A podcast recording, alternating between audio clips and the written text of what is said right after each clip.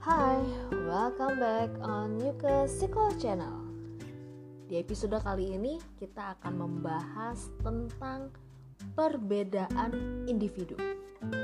Yang mana episode ini masih memiliki keterkaitan dengan episode sebelumnya.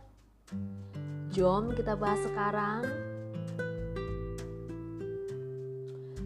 Oke, okay, ketika kita berbicara tentang perbedaan individu, tentu kita pasti akan melihat apa yang tampak dari individu itu.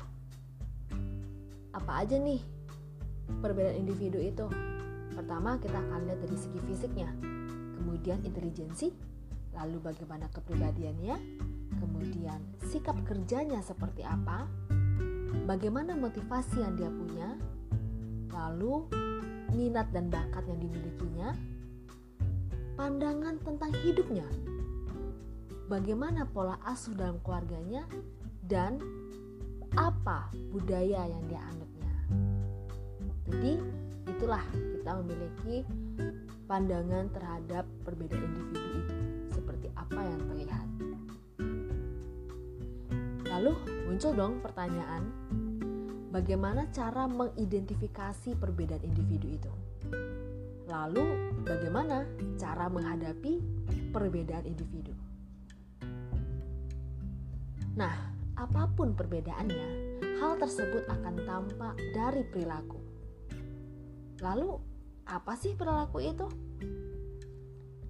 Perilaku diartikan sebagai suatu aksi dan reaksi organisme terhadap lingkungannya. Berarti bahwa perilaku baru akan terwujud bila ada sesuatu yang diperlukan untuk menimbulkan tanggapan yang disebut rangsangan atau stimulus. Dengan demikian, maka suatu stimulus tertentu akan menghasilkan perilaku tertentu. Nah, kita akan bahas nih prinsip dari perilaku individu itu sendiri. Atau biasa dikenal dengan istilah the lawfulness of behavior. Ini ada empat, yang pertama, stimulus. Di dalam stimulus, kita akan mengatakan bahwa tingkah laku manusia itu timbul karena adanya stimulus.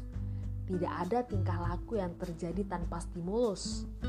Stimulus merupakan sebab terjadinya tingkah laku. Makin besar stimulus, makin besar kemampuannya untuk menggerakkan tingkah laku. Prinsip perilaku individu yang kedua adalah organisme. Perilaku individu adalah respon dari interaksi antara stimulus yang ada di luar individu itu dengan dirinya sendiri. Individu yang akan menentukan bagaimana perilakunya. Prinsip perilaku individu yang ketiga adalah accomplishment. Jadi, apa yang dapat dicapai dan tidak dapat dicapai oleh suatu perbuatan akan membentuk suatu pengalaman. Pengalaman yang pahit dari kegagalan cenderung untuk dihindari. Sementara pengalaman yang menyenangkan cenderung akan dipertahankan. Nah, kegagalan dan kesuksesan akan membentuk pola perbuatan yang dijadikan untuk dipertahankan bagi perbuatan berikutnya. Inilah yang tersebut sebagai accomplishment. Lalu prinsip perilaku individu yang keempat disebut dengan mix Perilaku individu tidak hanya ditentukan oleh satu faktor saja. Perilaku bisa diubah. Di sini ada dua pendekatan.